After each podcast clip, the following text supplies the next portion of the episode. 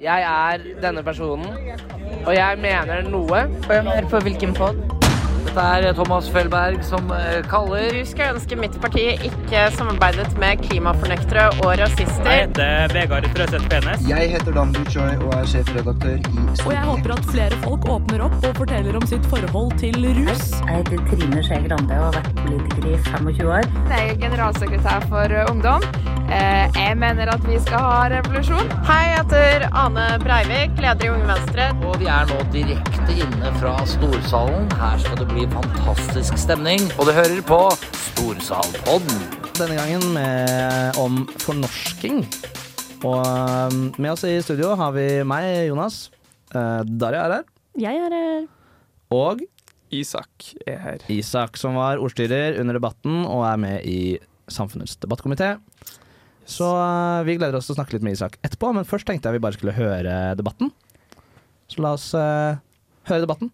Rull lyd. For Fram til slutten av 1900-tallet så ble det ført en fornorskningspolitikk som har fått alvorlige konsekvenser for samene sin kultur, språk, identitet og levekår. Og Selv om den formelle og bevisste politikken for å fornorske disse gruppene er avslutta, så fastslår Sannhets- og forsoningskommisjonen noe vi kanskje lenge har visst, nemlig at fornorskninga fortsatt pågår. I denne debatten skal vi derfor gå nærmere inn i rapporten fra Sannhets- og forsoningskommisjonen. Klarer vi i dag å gjøre nok for å stoppe denne fornorskninga? Blir samenes rettigheter til kultur, språk og næringsutøvelse overholdt med dagens politikk? Og blir dagens målsetting av politikk i det hele tatt fulgt opp? Med oss for, for å debattere dette har vi politisk rådgiver for Sametingsrådet og politiker fra NSR, Anne Henriette Nilut. Skjønnsforsker og kulturforsker ved NTNU, som både er kven og same, Elisabeth Stubberud. Og stortingsrepresentant for Arbeiderpartiet og medlem av kontroll- og konstitusjonskomiteen, Kirsti Leirtrø. Gi dem en liten applaus. Og på starten så skal de få lov til å introdusere seg sjøl litt òg. Um, og det blir pause ca. 1950, og etter pausen så åpner vi opp uh, for spørsmål fra dere i salen. Um, før jeg gir ordet til debattantene, så skal jeg òg gi dere litt informasjon om Sannhets- og forsoningskommisjonen. For I 2017 så vedtok Stortinget å opprette en kommisjon for å granske fornorskningspolitikken og virkningene av den. Etter et langt arbeid kom de i fjor ut med en rapport. Og Mandatet til kommisjonen var tredelt. De skulle både gjøre en historisk kartlegging av norske myndigheter sin politikk og virksomhet overfor samer, kvener og skogfinner. Det andre oppdraget var å undersøke virkningene av fornorskningspolitikken. Både de virkningene som kom på disse gruppene, men òg hvordan fornorskningspolitikken har påvirka majoritetsbefolkninga sitt syn på gruppene. Til slutt skulle de òg foreslå tiltak som bidrar til forsoning. Da skal jeg gi ordet til dere i panelet, og så kan dere snakke, gi en liten introduksjon til hvorfor og på hvilken måte Sannhets- og forsoningskommisjonen er relevant for dere. Jeg tenker Vi kan starte med det, da, Anne Henriette. Kiito, mulla on Nilu Heikka Birhanna Anne Henriette. Hei, alle sammen. Det er altså Anne Henriette Nilot, og jeg er politisk rådgiver som Isak her sa, til Sametingsrådet. Og Sametingsrådet er jo litt som regjeringa på Sametinget. og Der jobber jeg mye med helse, sannhet og forsoning og budsjett. Eh, og Sannhets- og forsoningskommisjonen sin rapport er jo selvfølgelig for Sametinget absolutt helt høyaktuell. og Vi skal faktisk behandle den nå i eh, ikke neste uke, men uka etterpå. Så begynner komitébehandlinga på Sametinget. Hvor vi fra Sametingsrådets side har foreslått eh, nå i første omgang hele åtte saker. da, På godt over 150 sider til sammen, som en sånn første oppfølging av den rapporten. Jeg bor i Alta, bare for å gi dere litt kontekst. Men av dere som kjenner litt til kofter, ser kanskje at min kofte er fra Sør-Troms, uh, hvor jeg er født og oppvokst. Uh, Sannhet- og forsoningskommisjonen sin rapport og behandling av den er jo egentlig en historisk mulighet i både for, eh, for norske myndigheter, men også for eh, Sametinget og, og eh, også de nasjonale minoritetsgruppene, også kvenene og skogfinnene, til å, til å snu et skip som gått, går i gal retning og har vært på tur den veien veldig lenge. Den påvirker som Isak sier, meg og min generasjon, og jeg er veldig opptatt av, å jobbe med samiske samfunnsspørsmål og politikk fordi jeg vil at min lillebror og generasjonene etter oss eh, skal eh, slippe. Eh, vi pleier å si i samisk kontekst at vi, jobber for de neste syv generasjonene i, i hvert fall. Da, så det er et langtidsperspektiv. Han Isak sa til meg ett til to minutter, og jeg er ganske sikker på at jeg er innafor tominuttersgrensa, så jeg stopper der. Ja. Elisabeth, hva kan du Ja, eh, siden du tok det på svensk, for å ta det på kvensk. Minonimion Lovisintronin Lovisin Tronin Elisabeth. Eller jeg heter Elisabeth Stubberud. Jeg er førsteamanuensis på Institutt for tverrfaglige kulturstudier. Senter for kjønnsforskning. Eh, Jeg forsker og underviser om eh, likestilling og mangfold. Vi har eh, eh, et årsstudium og et masterprogram, og vi underviser noe etter- og videreutdanning på likestillings- og mangfoldsfeltet. Så som forsker og underviser så er jeg ganske opptatt av dette arbeidet og denne rapporten. Um, jeg har kjent eh, Jeg er også same og kven. Og jeg har også, eh, selvfølgelig, som alle eh, samer og kvener, kjent på en måte fornorskninga eh, på kroppen og i familien og i de, det lokalsamfunnet hvor jeg tilhører. Så jeg eh, fikk eh, vite da eh, at det kom, denne kommisjonen kom til å bli satt ned, så ble jeg veldig engasjert eh, i dette arbeidet og opptatt av å, å følge det. Um, sånt, og det har jeg gjort måte både, eh, både som forsker og som privatperson med en, liksom, et, personlig, eh, en perso et personlig engasjement. Um, og jeg tenker jo som forsker at liksom det her å, å ta tak i eh, Eller jeg håper liksom at denne rapporten er en um, blir en anledning til å løfte frem noen eh, perspektiver på em, Norge. Ikke sant? Eh, en, en desentrering. Liksom, vi, flytter, vi flytter blikket og zoomer inn på noe annet som kan hjelpe oss å se Norge på en ny måte. Og Det er sånne ting som jeg tenker at jeg vil ha inn i f.eks. vår undervisning, og gjerne kanskje flere steder på NTNU. Uh, ja, jeg gir meg der. Takk. Kirsti? Ja, først og fremst uh, tusen hjertelig takk for at de setter dette på dagsorden. Uh, utrolig bra. Jeg sitter jo, som du sa, i kontrollkomiteen og har fått oppdrag fra Arbeiderpartiet at jeg skal følge den saken her, så det blir den viktigste saken jeg skal jobbe med framover. Jeg kommer fra Ørlandet. Altså jeg bor på Ørlandet. Født på beordring i Forsvaret, så jeg har vokst opp i hele eh, landet. Um, jeg, før jeg ble stortingsrepresentant, nå som jeg har vært nå i, i seks år, så var jeg fylkespolitiker og satt som leder i rådgivende utvalg for samiske spørsmål. Og jeg satt som styreleder i AJG på Røros. Eh, sånn at jeg har eh, hatt engasjement for det sørsamiske og de utfordringene de har hatt. Eh, det jeg føler mest på, altså det, det som er viktig med, med rapporten, det er at du får fokus på et stort samfunnsproblem.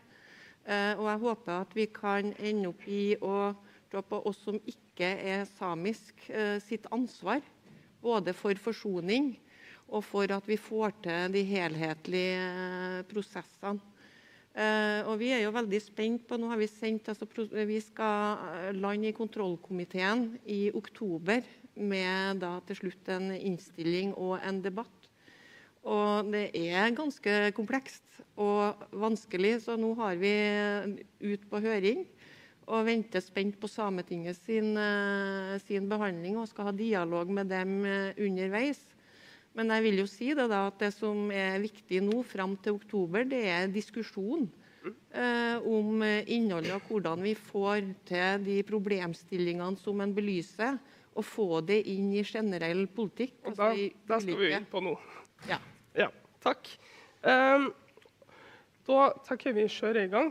Um, som jeg var litt inne på i innledninga mi, så er jo den bevisste politikken å, med mål om å fornorske, den er jo eh, forbi. Men fortsatt så ser man jo eh, Men på hvilke områder ser man da at eh, fornorskinga fortsatt uh, foregår, da, Anne? Det ser man egentlig på veldig mange områder. og eh, For dem som har et kjennskap til rapporten, så har jo kommisjonen foreslått eh, fem liksom, pilarer med tiltak. Eh, og Der heter den ene pilaren 'implementeringsgapet'. Det høres jo litt sånn halvdiffust ut. Men det det egentlig betyr, at veldig mye av vedtatt urfolks- og minoritetspolitikk ikke i praksis gjennomføres i det moderne demokratiet Norge.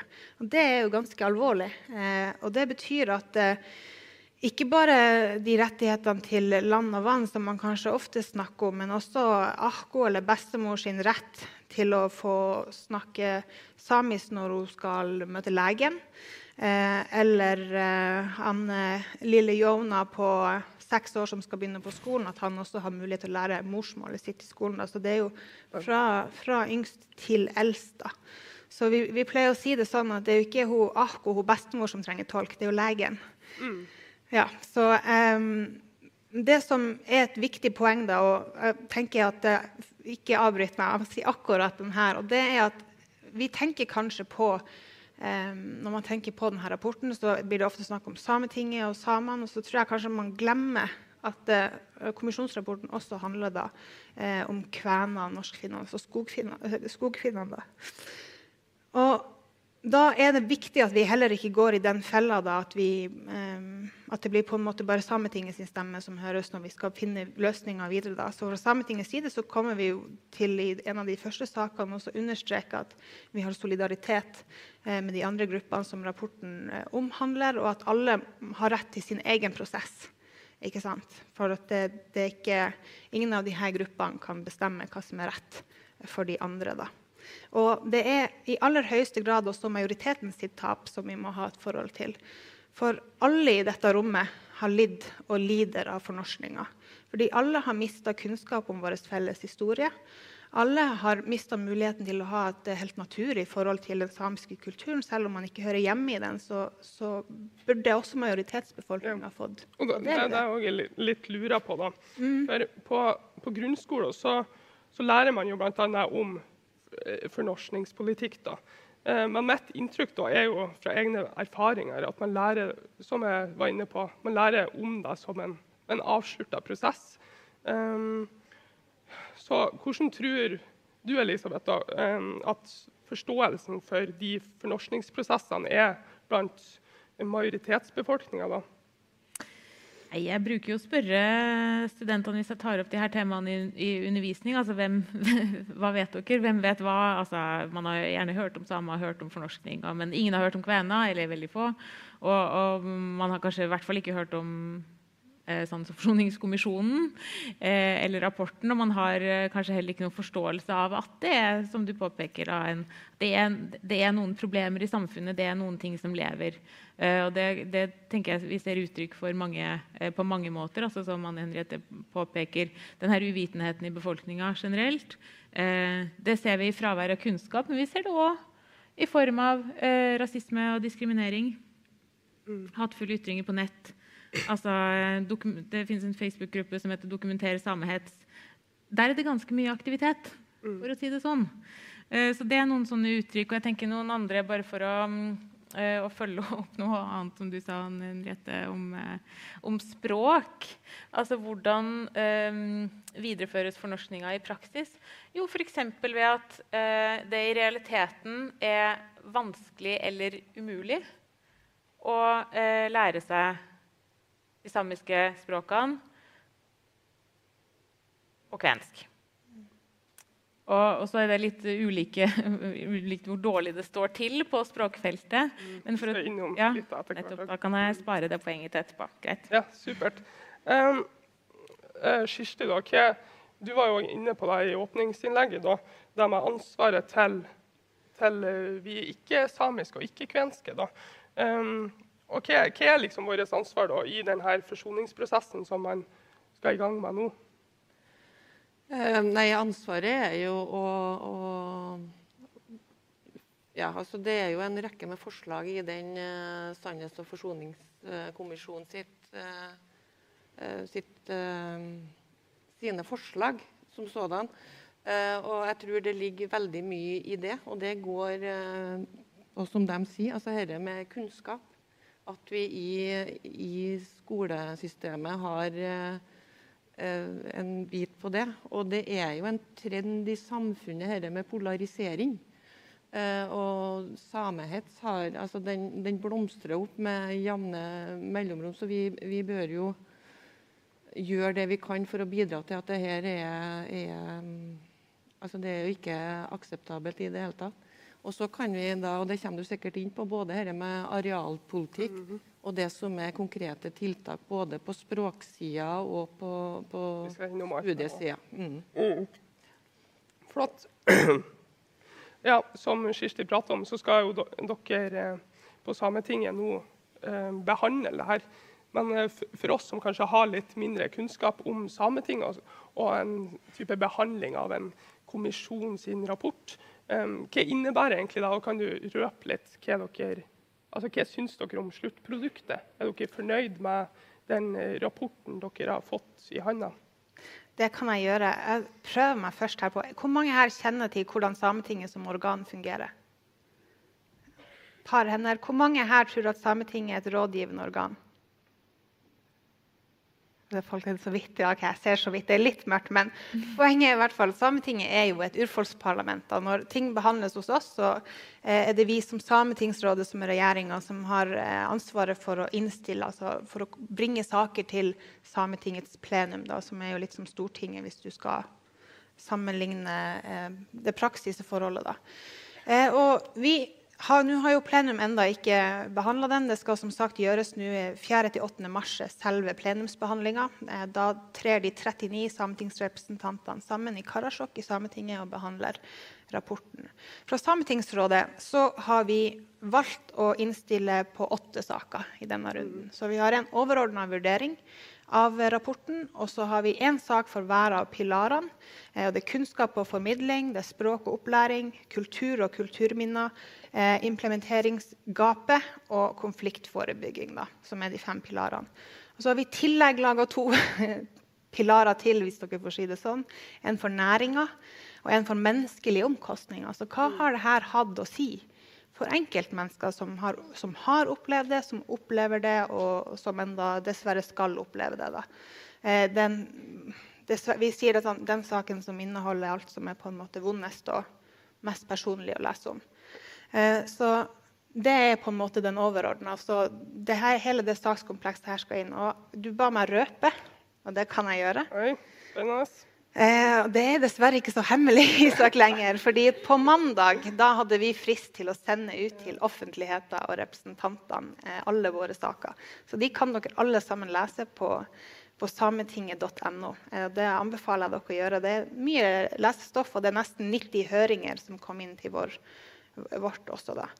Eh, I den overordna saken så anbefaler vi bl.a. Eh, at det opprettes et eget organ under Stortinget som skal rapportere på fremgangen som eh, myndighetene har da, i oppfølginga av kommisjonsrapporten.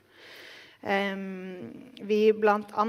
Uh, støtter jo tiltak som jobber mot samehets, utvikling av helsetilbud, tiltak mot vold, selvmordsforebyggende tiltak, forskning og kunnskap. Og blant annet her peker vi på at vi trenger en ny organisering av de samiske helsetjenestene. Eh, som eh, nå ligger litt eh, i, i, andres på en måte styre. da. Um, jeg skal ikke gå innom alle pilarene. Det er ganske mye, og jeg ser du nikker febrilsk for å få meg til å avslutte. Så da gjør jeg det. Takk, takk.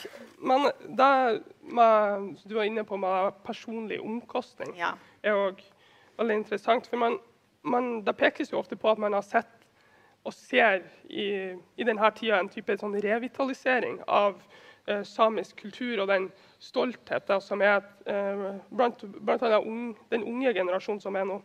Um, Dette kan man jo f.eks. ta Fosen-saken, som, som, var en skikkelig engasjementbombe blant en ung generasjon samer.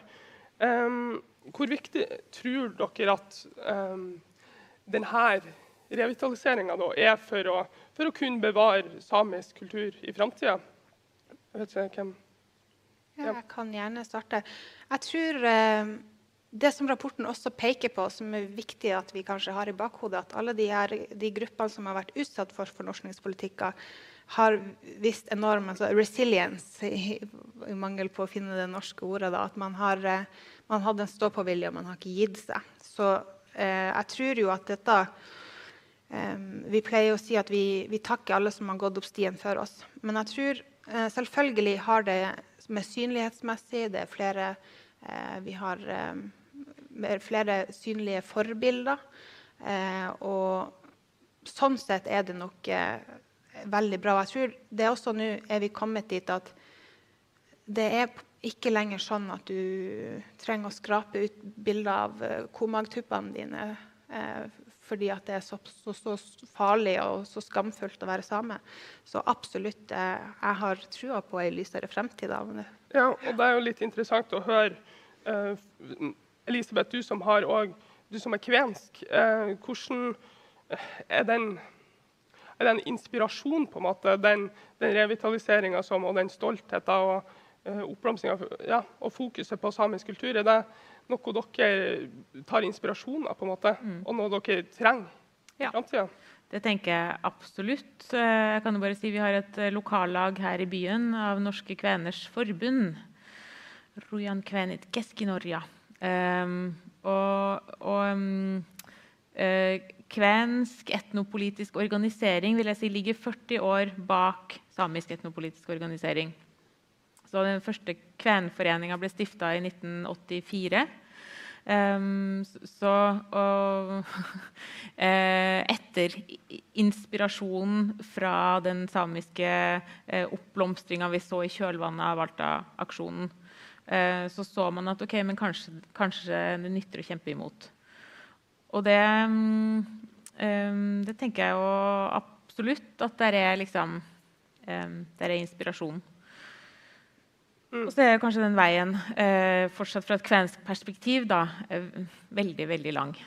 Så 40 år uh, bakpå i etnopolitisk organisering, men også 40 år bak i rettigheter, kan man si. Ja, og nå skal vi bevege oss litt videre. Tida går.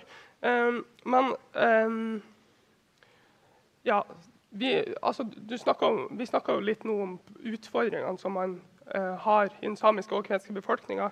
Uh, men siden Alta-saken så, så Man ser jo på det som et liksom, brudd i uh, fornorskningspolitikken og brudd i rettighetskampen. Da. men når man ser f.eks. Fosen-saken, så så er det jo lett å undre seg om hvor mye har egentlig hvor mye har endra seg siden 80-tallet. Hvor mye eh, rettigheter, eh, flere rettigheter har eh, den samiske og kvenske befolkninga nå. Har du lyst til å si noe om det, Kirsti? Hvordan inntrykk er dette? Ja, så Vi har jo endra Grunnloven, og det tror jeg er ganske viktig for eh, rettighetene sin del, og også for eh, Fosen-dommen som sådan. Eh, vi har, eh, Kontrollkomiteen har hatt en sånn utredning på vedtak som er fatta på Stortinget, og oppfølginga av det. og Det er egentlig ganske skremmende, det, og det må vi jobbe med. Det er gjort veldig mange gode vedtak, vil jeg si, men eh, de er ikke ført opp. I, i, praksis. sånn at Én uh, ting er hva du, hva du har som sånn overordna holdning, men vi må få det gjennomført i praksis. Det gjelder også på arealpolitikken mm. som sådan. Og Fosendommen er en god måte, selv om det er veldig komplekst. Og det er også konfliktfylt. Og det er jo flere enn eh, den samiske eh, befolkninga som er motstandere mot vindkraft som sådan. sånn at det har jo vært en sånn generelt trykk på hvordan skal vi uh, bruke arealet vårt. Og det er en naturkrise i tillegg, da. Men ja, du erkjenner jo litt altså de problemene som er. Men hvem er, hvem er, det egentlig da som står til ansvar for at man ikke har klart å gjort noe de siste årene for å klare å stoppe fornorskning og ivareta de samiske rettighetene? Arbeiderpartiet har jo hatt mye makt siden, uh, siden 80-tallet. er det noe, Burde man gå inn i seg sjøl i Arbeiderpartiet for, eksempel, for Ja. å se på hvordan man har Absolutt alle partiene bør eh, gå inn i, inn i, i seg sjøl. Og det må også være en prosess i alle partier. Og det har vi òg igangsatt i Arbeiderpartiet som sådan. Men som jeg sa, så er det altså energipolitikken og arealpolitikken er kompleks. Og jeg satt i eh, rådgivende utvalg for samiske spørsmål når vi laga en vindkraftplan for Trøndelag. Og da ba vi om at det ble laga et reinbeitekart som sådan. sånn at det er litt underlig hva som faktisk har skjedd. Det er jo mange arealer som det har blitt nei til. Og så ender vi opp med, med arealer som, eh, som påfører eh, reineiere et, et eh, problem og noen sår. Ja. Ja. Men det er liksom ikke noe bestemt plan og telt, sånn veldig tydelige tiltak som er formulert akkurat nå? Eller på hvordan man kan liksom uh, få, de, få fornorskninga stoppa og få, Uh, få ivaretatt samiske rettigheter for de, for de syv neste generasjonene som Anne Henriette snakka om? Jeg tror at eh, den, eh, den meglinga som pågår, og den avtalen som Sør har fått, gir noe som gir en, en varig bit. Og så har eh, også regjeringa samtidig bestilt en, en, en utredning på hvordan vi håndterer altså fra altså Både med kraftbehovet, men altså det her gjelder jo også innenfor samferdselsområdet og, og sånne ting. Så det, så det er prosesser på gang. Men, eh, men eh, det er ikke, slettes ikke landa, og det tar tid. Hva tenker dere, Har dere lyst til å kommentere? Ja, det har jeg veldig lyst til. Jeg skal passe meg nå for å ikke ryke rett inn i at denne handler, debatten handler bare om Fosen. Men jeg må si at men Fosen-saken den er egentlig ikke veldig komplisert. da. Fordi Der er det et eh, enstemmig Høyesterett storkammer som har kjent at de- konsesjonene var ugyldige. og Man hadde alternativer, som er sagt, utspurt etter reinbeitekart. og Det skulle opprinnelig ikke bygges akkurat bl.a. på Storheia, men det gjorde man likevel. Eh, til tross for at det var, det var protestert helt fra 1999. Og det er jo ikke, det er jo ikke småtterier man har eh, utsatt den sørsamiske reindrifta for. Og hva han eh, i Nordgruppa sa, at selv om de hadde revet roene, så har de allerede fått satt opp 128 andre turbiner i sine beiteområder. Da. Så det er ikke sånn at man ikke har vært villig til å gi heller. da. Jeg, akkurat, det Fosen-debatter har vært mange av, og jeg kunne fortsatt en halvtime til med argumenter. Men jeg vil bare si at Fosen-saken er det beste eksempelet på eh, det man kan si at det, det, det virker litt som at myndighetene nå oppfører seg som noen som er under eh, regulering av lover og regler. Da. At man leter litt etter smutthull sjøl, eh, kontra å være en sånn tillitsfull forvalter av det. Eh, Så det er jo en enorm tillitskrise eh, når man selv etter en, en 11-0-seier i Høyesterett opplever at man ikke oppnår rettferdighet. Jeg vet ikke om staten heller ville godta at hvis de hadde vunnet 11-0 i Høyesterett, at de da hadde gått til megling med parten som de hadde vunnet over. Da. Så det er jo en umulig situasjon. Og liksom, hva skal du gjøre? Alternativet er at du går nye runder i rettsapparatet. Så det, akkurat de her tingene er jo, det, det er et paradoks å snakke om sannhet og forsoning. Og når, eller forsoning. Vi snakker om reparasjon. Vi, vi pleier å si at hvis noen hadde tatt seg inn i huset ditt, eh, brent alle bildene dine, stjålet klærne dine, eh, tvangsflytta deg til et annet hus hvor de gjorde akkurat det samme eh, Til slutt så sier de OK, men nå stopper vi.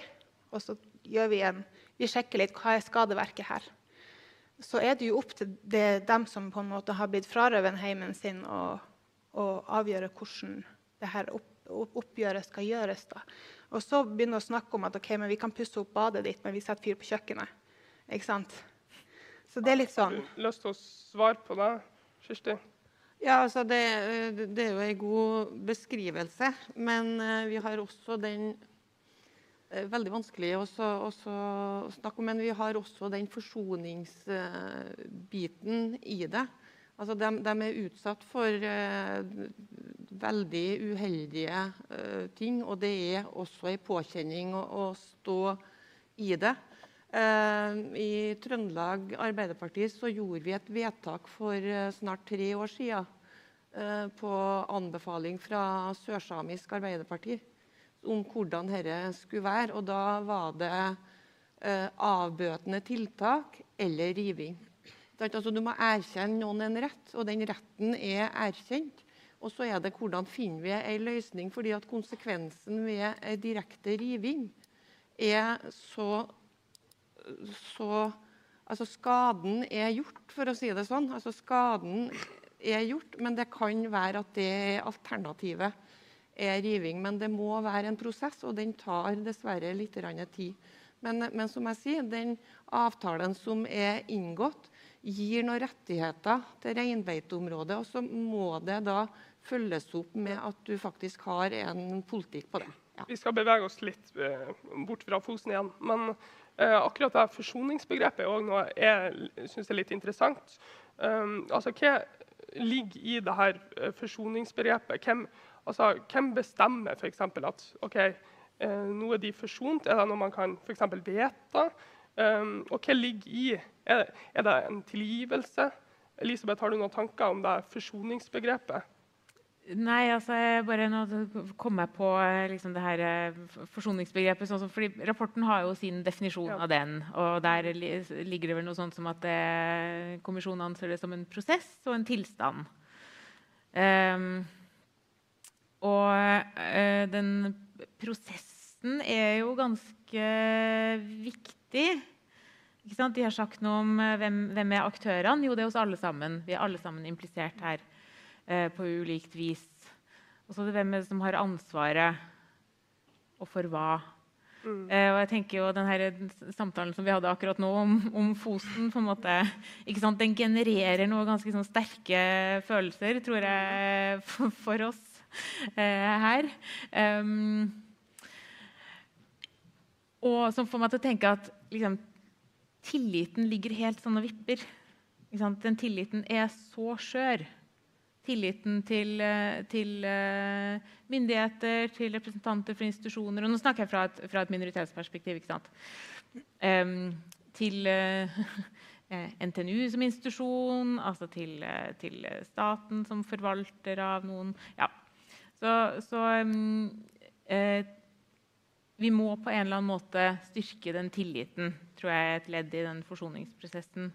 Um, som en kommentar til Fosen. Og så eh, tenker jeg jo òg at vi har alle sammen i dette rommet en eller annen Vi har et aktørskap i eh, de spørsmålene.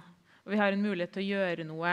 Eh, om det er å eh, krige mot nettrollene der der, der, det passer seg, eller om det er å sørge for kompetanseheving eh, i sine, liksom, våre, våre, miljø, og der vi ferdes. Sånn at eh, Eh, for det er også et, et, sentralt poeng i rapporten. At for å få til det her, eh, eller for å nærme oss noe som ligner på forsoning, hva nå det er, så må kunnskapsnivået opp. Ikke sant? Mm. Eh, og det er noe jeg tenker som, det kan vi alle sammen bidra til. Mm. Ja, Du var litt inne på det med NTNU. og sånn. Hvor viktig altså, eh, Har NTNU og akademia sånn feila i sin ja. Sin, uh, ja, vi har feila. Ja. Vi har feila massivt. Eh, nå skal dere høre. Er, er, det noen som har hørt om Yngvar Nilsen? Ja, det var eh, typ én, kanskje to, som jeg ikke ser. Yngvar Nilsen um, det her kan dere google etterpå. Men Yngvar Nilsen var en uh, slags forsker. Jeg vet ikke helt hva vi skal kalle han. Han gjorde et lite feltarbeid uh, i sørsamisk område en gang på 1800-tallet eh, konstaterte at sørsamene har, eh, egentlig var nordsamer som har eh, flytta til Sør-Sápmi, eh, Oriel Sápmi, og eh, dermed ikke har rett til såkalt alderstidsbruk. Mm. Og så har han blitt brukt som eh, kilde eh, i kraft av sin vitenskapelighet. Eh, i altså det som eh, nå har blitt til NTNU. Han har blitt forsvart av folk på eh, NTNU, historikere. Og han har blitt brukt, og det her er det viktige, han har blitt brukt som kilde i rettssaker. Så Ingvar Nilsen er en av grunnene til at sørsamer har tapt rettssak etter rettssak etter rettssak eh, gjennom hele 1900-tallet. Det her kom Anne Borg, eh, tidligere rektor. Eh, det unnskyldte hun i desember i fjor. Så det ligger en sak på Krono fra eh, 11. desember hvor denne saken står omtalt. Eh, Den eh, anbefaler jeg å gå og lese, men det kom en unnskyldning. Hvilke ytringer er det han har kommet med, som har, eller sånn forskning som har gjort at Ja, altså det er jo denne såkalte fremrykkingsteorien. Eh, det kan dere også google. fremrykkingsteorien. Så det handler om at sørsamene egentlig er nordsamer som har eh, vandra sørover. Det stemmer ikke. Det er overhodet ikke tilfellet. Eh, altså, ja. Og det har vært eh, arkeologisk, eh, vitenskapelig motbevist siden i hvert fall 70-tallet. Altså, sørsamene sjøl har jo selvfølgelig sagt nei. Så, eh, og den unnskyldninga kom i fjor. Det var bra. Men jeg tenker Hvorfor har ikke NTNU tatt noe initiativ på 6. februar? Hvorfor har vi ikke fulgt opp det her? Jeg vil gjerne ha, ha sånne initiativ. altså Ikke jeg som enkeltforsker, jeg kan godt bidra, men, men jeg vil at sånne initiativ skal komme fra, fra rektor. Vil du svare, Anne Henriette? Ja, det var vel egentlig bare en fortsettelse. Jeg tror Elisabeth er inne på ja, litt kort. Veldig godt poeng med kunnskap eh, og formidling. Da, at det er avgjørende. Så der kan vi alle gjøre noe. Fordi det finnes så mye kunnskap både om eh, samer og de nasjonale minoritetene. Så det er bare å google i vei. Men jeg det hadde en fun fact apropos det med fremrykkingsteorien og den eh, underkommuniseringa av den sørsamiske historien. Det er jo at eh, Vi var og traff eh, de, eh, direktøren på Stiklestad museum. og Der viste det seg at de har tidligere gått gjennom sine eh, hva det heter, arkiver. Det heter ja, dere skjønner hva jeg mener. Og liksom funnet at vi har ikke noen samiske gjenstander. Men så fikk de henta inn samisk fagkompetanse til å se gjennom det samme, og plutselig dukka det opp hundrevis av gjenstander som var samiske. Så her er liksom alle eh, ledd, alle styringsnivåer, alle institusjoner, kommuner, fylker, enkeltmennesker. Dette angår alle. Så det, det var svaret. Ja, takk. Um, jeg har litt kort spørsmål om eh, språkrettighetene òg, før vi skal snakke litt mer om arealforvaltning. Men det er jo veldig interessant, for at du snakka jo om det der eh, implementeringsgapet. Altså gapet mellom em, hva som er rettigheter, og hva som faktisk blir, eh, blir fulgt. da. Og Et av de eksemplene som er i rapporten fra kommisjonen, som mange historier på, det er jo språkrettigheter. da. Så da lurer jeg litt på altså, eh, Hvordan blir det her fulgt? Altså, hva, hva er den situasjonen eh, i dag med tanke på språkrettigheter og opplæring? da? Kan jeg bare få si noe eh, før, før vi svarer på det, om konsekvensene av språktap? Fordi eh, jeg tror det er viktig å forstå hva er det det gjør for noe med folk. Og ikke kunne snakke sammen på tvers av generasjoner. Altså Når eh, f.eks. min eh, besteforeldregenerasjon eh, Min bestemor lærte seg norsk eh, fordi mora hennes jobba for en norsk familie. Så hun plukka opp litt norsk. Okay. men hennes morsmål var kvensk, og hun snakka kvensk og samisk. Og så eh, får hun beskjed fra myndighetene om at eh, ditt eh, morsmål har ingen verdi. Skal du noe her i livet, skal du opp og frem, og vil du noe i verden, så, så må du sørge for at dine barn lærer norsk. Dropp de andre språkene. Så da kommuniserer hun til min far på norsk, som er hennes tredjespråk. Hun snakka ganske gebrokkent, altså. Hun gjorde det. Og skrev ikke. Veldig dårlig. Um, og de her språktapene eh, og språkbruddene er det folk som har forska på. Og det har noen ganske store konsekvenser i familier når du har sånne språkbrudd og generasjoner ikke kan snakke ordentlig sammen. Det er ganske, ganske begrensa hva man klarer å si, faktisk. Du har kanskje et ganske konkret språk. Du har ikke et språk for følelser, du har ikke et språk for praktisk kunnskap, du har ikke et språk for um, eh, altså det spirituelle eller liksom Så det er ganske mye som går tapt i det språktapet. Så jeg ville bare liksom gi konteksten før vi begynner å snakke om mm. eh, ja, rettigheter og politikk. Ja. Men ja, um, ja, hvordan er situasjonen egentlig nå, Anne Henriette, med, med språkkunnskap og de rettighetene man har til det? Ja, det er jo det? Som Kirsti var inne på, så er det jo en, en god del eh, gode lover og regler som gjelder, men som ikke følges opp. Og det gjør dessverre sånn at uh, samiske barn og foreldre blant må kjempe hvert, hver eneste høst er det en kamp å faktisk få uh, samisk undervisning enten i eller på samisk. Da. Og Dette er jo et ansvar som ligger til skoleeiere, primært altså kommuner for barne- og ungdomsskolen og fylket for videregående. Eh, og, og på, det er også en systemsvikt at det får foregå i så stor skala. Og nå har jo også generasjoner med, med fornorskningspolitikk også fra, frarøva enorme mengder mennesker. Eh, den språknøkkelen til kulturen sin, som gjør at vi også har lærerkrise, som gjør at vi har barnehagepedagogskrise. Og vi trenger, vi trenger ekstraordinære tiltak for å reparere en så stor skade. Og noen som regna ut en gang i tida at 1% av statsbudsjettet ble brukt for fornorskning på det verste. Mm. Jeg tror vi er på 0,04 promille eller noe sånt i dag av eh, statsbudsjettet som går til eh, Ikke faktasjekk meg på det, ikke sikkert jeg husker tallet rett, men det, det er godt, det, det, er under en halv promille i hvert fall. Men eh, så, her er det en jobb å gjøre i alle ledd. og Det gjelder helsetjeneste, skole, det gjelder skilting. Masse mm. land i Europa hvor firspråklighet er uproblematisk. Ja. Men i Norge så får vi liksom vondt i øynene med en gang vi ser et samisk ord. Mm. Og det er jo, jeg tror ikke det er like ille som det har vært, men det er fremdeles sånn at folk reagerer.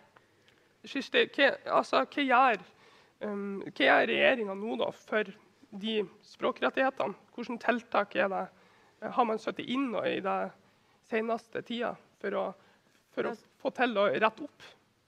Ja, så Det ene er jo det konkrete med økt støtte. Jeg tror det er rundt en 80 eh, millioner eller noe sånt som er, er Men eh, altså det er jo Kommunal som har ansvaret for det området her.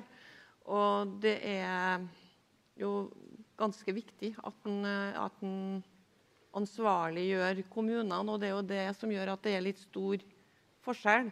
Jeg har jo lyst til å spørre om dette med altså fornorskningsbiten. En kan jo, altså, Tror dere at det går an å bøte på alle skadene? For det er jo veldig store skader som har, har skjedd. Eh, som sådan, altså Hvordan kan en altså, klare en å bøte på alle de bitene? Og så er det som jeg sa, stor forskjell på, på kommunene. Eh, det er jo mange kommuner det ikke bor eh, kvensk eller samisk eh, befolkning, men de har også et ansvar. Altså, det å ha en dialogarena. Vi skal til Røros nå for å snakke med Røros kommune om hvilke konfliktområder. og Der har de gjort veldig mye bra, i, og de har arena for dialog. Mens andre kommuner har ikke det overhodet. Og så er det en, en, en, stor diskusjon om dette. Hvorfor skal de ha rettigheter til et språk sant, mot nynorsk, f.eks.? Altså, det er en del sånne type diskusjoner som vi må få slutt på. Mm. Ja. Du kan få en kjempekort kommentar. Ja. Vi må litt videre. Litt Konkrete ting. Altså. Det, man kan eh, starte med å eh, lovfeste tilbud til samisk uh, opplæring. Det gjelder også voksenopplæring, ikke minst. Man kan gi mer penger til de samiske språksentrene, sånn at de kan fortsette å gjøre den fantastiske jobben de vil. Man kunne også økt potten til tospråklighetsmidler som Sametinget fordeler ut til kommunene, nettopp for å oppfylle eh, tilbud til samisk opplæring. Så mange enkle tiltak som kan gjøres. men det har dessverre så langt ikke vært vilje til å prioritere det. Og det kom en liten oppfordring der før, før, vi går litt videre inn på arealpolitikk. Eh, um, skal vi se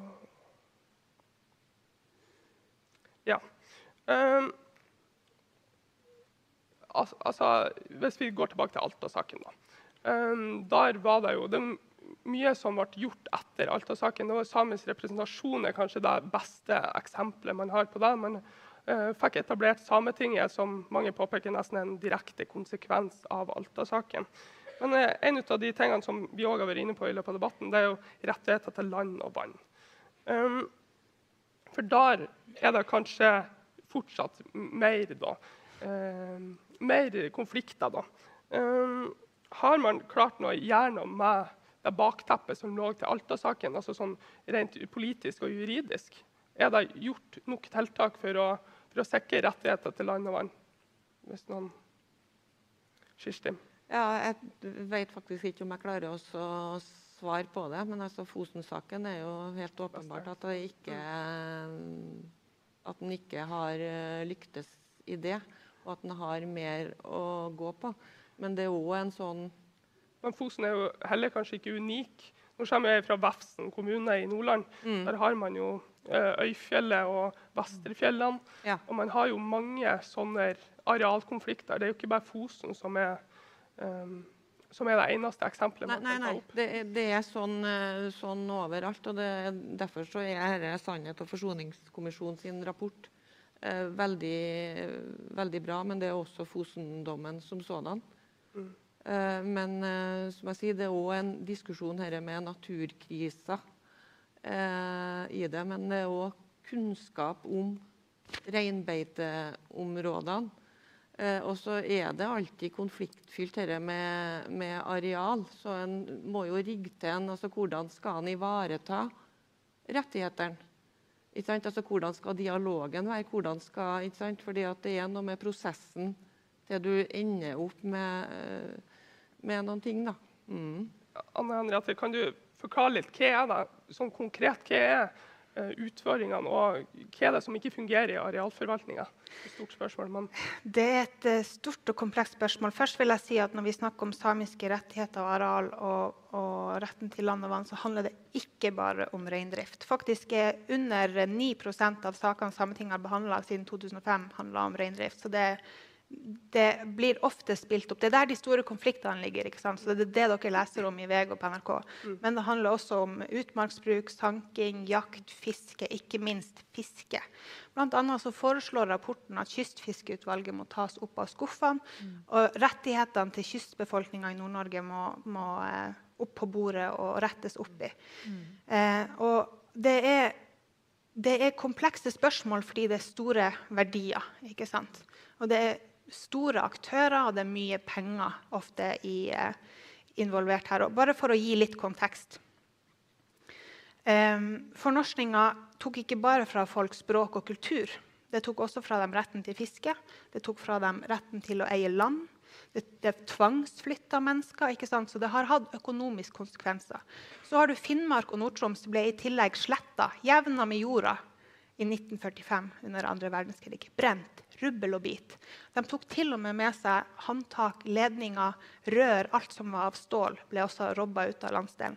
Det betyr at de husene og materielle godene har man begynt å bygge i 1945 i Nord-Norge. Det er viktig å ha i bakhodet når vi snakker om disse tingene for Nord-Norge generelt. da. Når det kommer til samiske rettigheter til land og vann, så eh, har man jo et ønske om at, at, eh, at man kunne diskutert det altså litt mer faktabasert eh, debatt. For ofte er det feile ting. og jeg, jeg kunne gått veldig konkret inn, men det er viktig at de her mytene avkreftes. Dere har kanskje lest at 40% av Norges landareal er reinbeite. Men tenk nå litt om hvor mye 40% Det er et bruttoareal. Der er det byer, isbreer, veier, hyttefelt, vannkraftverk, vindkraftverk, innsjøer. Ikke sant? Realiteten er veldig veldig annerledes. da. Så vi må ha litt kildekritikk når vi snakker om det. Og så er det også litt sånn um, det er litt sånn, hvis, hvis eiendomsrett skal gjelde og Du vil jo ha muligheten å eie ditt hus. ikke sant? Men tenk om noen tok den fra deg, og så hadde du, hadde du ikke hatt ei. du hadde måttet leie det huset da, de siste årene. Men så skulle man ta en rettighetssjekke. Liksom. Okay, men Hvem er det egentlig som eier det her huset? Og så eh, finner man ut at okay, det var kanskje du som eide det huset likevel. da. Eh, men så, så anker man det til Høyesterett. Det var en veldig veldig generalisert forenkling av det som skjer med Karasjok-eiendommen nå. Og, og det er en egen komplisert debatt i seg sjøl. Men av og til så tenker jeg sånn, er man kanskje redd for at samisk forvaltning ikke er like god som majoritetsfolksforvaltning. Det var også veldig Men jeg, jeg stiller de her på spissen påstandene, ikke nødvendigvis for at jeg mener dem helhjerta, men fordi jeg har lyst til at dere skal tenke kritisk rundt de spørsmålene da, på begge sider. Jeg tror debatten ofte blir polarisert også fordi vi snakker ikke om hvor vi er på vei. Vi snakker om industriell utvikling og økonomisk vekst. Men ingen har noensinne definert om vi jobber mot det samme målet. Altså hvordan ser Norge ut om 100 år? Vi har liksom ikke definert hvordan det skal se ut før vi har begynt å snakke om løsningene i dag. Da. Så vi debatterer jo som om at det enten er at all natur skal bli museum, som, som liksom er ytterpunktet vi får kaste etter oss, eller at vi skal liksom ha endeløs, eksponentiell økonomisk vekst. Ikke sant? Ja. Um, ah, jeg vil ta litt mer tak i det her. Nå, vi, eh, nå, må vi snart runde av. Men um, når man snakker om kommunene Kirsti, du har nevnt flere ganger at det, det, mye i kommunene der ligger mye av den forvaltninga som vi prater om nå. Um, og noe dere nylig innførte, eller sånn Arbeiderpartiet og regjeringa sto i spissen for, det er jo den, eh, den uh, grunnrenteskatten på landbasert vindkraft. Nå drar jo der vindkraft igjen og uh, reindrift, da. Men eh, den tilsier jo at kommuner som sier ja til natur, eh, til å bygge ned natur, og kanskje da på bekostning av samiske næringer, um, får mer betalt for det. Um, får mer igjen av skatter. Um, kan dette være, være noe som presser igjen samiske næringer enda mer? Eller har man noen tanker rundt hvordan man skal avbøte sånne situasjoner med at man, man gir kommunene mer penger for å ofre natur? Um, uh, det, når du bruker naturen din, altså, så skal det komme lokal verdiskapning til gode. Det er tanken bak det. Men det skal jo også, da, som jeg sa, altså hvis du har da f.eks. reinbeite, så er det en forutsetning. Og så er det også dette med dialogen underveis eh, som sådan. Sånn at eh, vi må få til den beskatninga og den altså, og det blir en gedigen energidebatt. altså Hvor mye mm, kraft har vi, hva skal vi bruke den til, og alt det her. Og hvordan skal vi ha, skal vi ha økonomisk mm. vekst og, og sånt. Men, men, eh, men, det må være den prosessen, og det er det som er det som utredes, og som det jobbes med nå, eh, er hvordan får vi til eh, begge deler. Ja. Du skal få svar kort, Henriette? Ja, så bare, må vi runde av. Ja, understreke Fra Sametingets side så er vi også veldig opptatt av dialog. Men da dialog i ordets rette forstand. Da, da må det faktisk være dialog, ikke konsultasjoner etter at beslutninger er i realiteten tatt. Og så er reinbeite, også, eh, reinbeite og, og, kystfiske også lokal verdiskapning. Så det er liksom mm. ja, Ikke sant? Vi må Absolutt. Mm. Ok, Da er vi faktisk på overtid. Og vi må, begynne, vi må avrunde debatten. Men jeg tenker jo at for å avslutte så kan dere veldig veldig kort uh, komme en oppfordring til oss studenter i salen. Hvordan skal vi uh, klare å være med på denne prosessen med forsoning og med å kunne styrke og ivareta både samisk og andre uh, minoriteter sin kultur videre? Da. Har dere noen oppfordringer til oss videre i, i debatten og ja, ellers? Veldig kort ta en liten kort runde? Nei, det er jo egentlig så kom jo oppfordringa. Det å stå opp imot uh, samehets er jo en uh, viktig bit uh, av det. ja. Krev kunnskap om, om det og, og, ha dialog.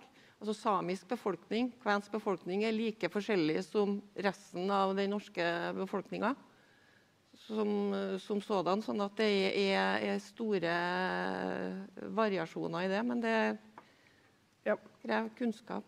Elisabeth, har du en oppfordring? Ja, jeg har det. Nå har vi jo Sannhets- og forsoningskommisjonen har jo kommet med en rapport.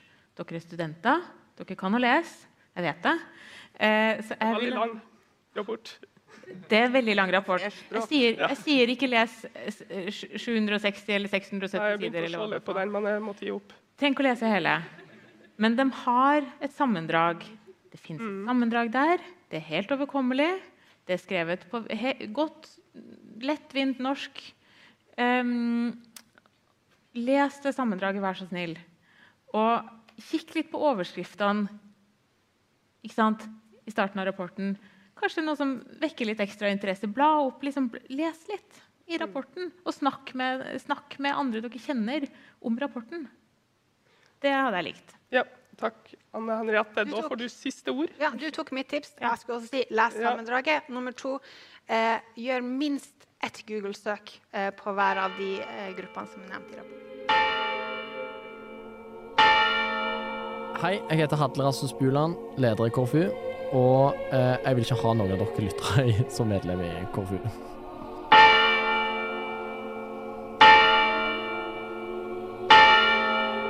Vi er tilbake etter en eh, liten onsdagsdebatt. Isak, var du eh, fornøyd med din egen innsats? Ja, jeg syns eh, debatten ble som vi hadde planlagt at den skulle være. Mm. Så jeg er egentlig fornøyd. Altså, det, det var jo litt annerledes format enn annet, med tanke på at eh, vi hadde lagt opp til kanskje litt mindre sånn spissa Eller sånn ytterpunkter, da. Så, så det ble jo litt panelsamtale, litt, men jeg syns det ble en fin diskusjon. Jeg har jo inntrykk av at det ofte er vanskelig å på en måte um, uh, booke de som er mot uh, mange ting. I, Ja, eller Frp hadde jo sikkert stilt opp, da, på en måte. Ja. Men Er det ble ikke invitert. Ja, nå kanskje er det ikke så interessant heller. Vi snakket litt om det før du kom, Isak. eh, At vi um, eh, leste litt om den her fornorsk... Nei, Forsoning og sannhetskommisjonen, heter det? San, ja. Sannhet og forsoning, ja. Eh, om at uh, fornorskingen fortsatt pågår. Mm. Hva, hva betyr Eller hva legger man i det? det, det er jo da vi var litt inne på, på debatten, at sånn, den bevisste politikken om at man skal fornorske samer, kvener og skogfinner, Mm. den er avslutta. Mm. Sånn type 60-70-80-tallet ble den mer og mer av, avslutta, mens prosessene fortsatt foregår. Altså um, Det er vanskelig at eh, for, for de å få opplæring i språk, eh, de mister eh, areal til kulturutøvelse. Mm. Um, vi kan lite om deres um, helsesituasjon. Mm. Har mye, mye mangel på kompetanse der. Så den rapporten tar jo for seg masse, så det er jo veldig mange områder. Og det er veldig stort. Det er jo en veldig lang rapport. Ja. Stort arbeid. Så det, det er mye man egentlig kan gå inn på der. Men det er jo at prosessene, at man blir mer og mer fornorska og mister mer av sin kultur, den skjer fortsatt. Sjøl om man har stoppa det målet om at det skal skje. Mm. Ja. Mm. Jeg tror også eh, eh, Nå skal ikke jeg jeg er jo ikke ekspert på dette, men det er jo ikke i noen av de tingene vi prater om her. men, men jeg tror liksom at eh, mange av disse tingene er sånn som at folk ikke skjønner at det er fornorsking, da. At det er liksom sånn interessekonflikt. Der det, OK, det er liksom samenes interesser opp mot typ eh, energiinteresser, da, og, sånn, og så tenker man sånn ja ja, OK, men da liksom tapte samenes interesser i denne eh, konflikten. Men så skjønner man ikke liksom i det, store bildet at de mister mer og mer plass, eh, og at det er liksom en del av dette. Og det er jo snakk om veldig få folk, på en måte. Hvis man tenker f.eks. sørsamisk, um, som er Vi er jo et sørsamisk område nå. Trånte, tror jeg det heter. Og her er det altså sånn I det sørsamiske området så er det jo bare sånn tror det er sånn 200 stykk som driver med samisk reindrift, som er en veldig sånn språkbærer. Mm. Skulle man ha begrensa f.eks. et felt der det er 20 stykk, så har man jo på en måte begrensa 10% av kulturutøvelsen til sørs, det sørsamiske. Da. Ja. Så det er på en måte eh, lite som skal til for Mm. å gjøre en forskjell. Da. Altså at man bremser opp. Mm. Og jeg tror på en måte at mange eller, det- altså Det finnes jo folk som er rasister, men jeg tror også mange ikke kanskje er direkte rasister, men de bare skjønner ikke konsekvensene av, av ting de gjør, da, og valg de tar, og ting de Mm. bestemmer. på en måte. Det, er- det, altså, det er jo så lett som at man, eh, som du sier da, Isak, at uh, hvis man uh, får et eller annet uh, forslag fram, og så er det sånn ja, da blir det ny motorvei, og det blir dritnice for alle i Norge, mm, med hermetegn, og, så, og så går det dass for 20 personer, så tenker man sånn ja, ja, ok, 20 personer. Der kan man offer, på en måte. Ja. Men som du sier, da, så er det plutselig 10 av uh, kulturutviklingen, eller ja, utførelsen, da. Og da ja. Er det, er det på en måte er et resultat av bare er det sånn at man ikke har nok kunnskap, og, og på grunn av at man ikke har kunnskap, ikke bryr seg? I, Ja. i mange tilfeller? Jeg tror da at det mangler uh, og, og så er man jo så Altså sånn Man engasjerer så Jeg så jo Liva, som er politisk nestleder, skrev et leserinnlegg om det eh, i Underdusken. At altså, man I Norge så driver man jo en politikk eh, i eh, Sør-Amerika, der man på en måte betaler oss ut med at eh, eh, urfolk skal få verna områdene sine. Mm. Um, men så har man så Eller sånn Man har liksom ikke evnen til å gjøre det sjøl her. Mm. Og jeg tror det handler mye om kunnskapsmangel. Og f.eks. For fornorskning, der lærer man jo ikke om at fortsatt skjer, på en måte, i, på skolen. Ja. Jeg lærte i hvert fall ikke når jeg gikk på grunnskole, at det var en prosess som fortsatt foregår. Man Nei, man, liksom, man lærer liksom at uh, Alta-saken Kautokeino-oppgjøret og Alta-saken, Ja. og nordmenn var dumme back in the days, men nå er vi smarte. Ja, Mm. Nå er vi alt, på en måte. Nå skjønner vi hvordan vi skal være. Ja. Man har liksom sagt seg fornøyd med at man har beklaga på 90-tallet en gang. Mm. Jeg tenker kanskje vi eh, lar det være siste ord, jeg. Mm. Og så avsluttet jo debatten med en oppfordring om å lese sammendraget i eh, Sannhet og forsoningskommisjonens rapport.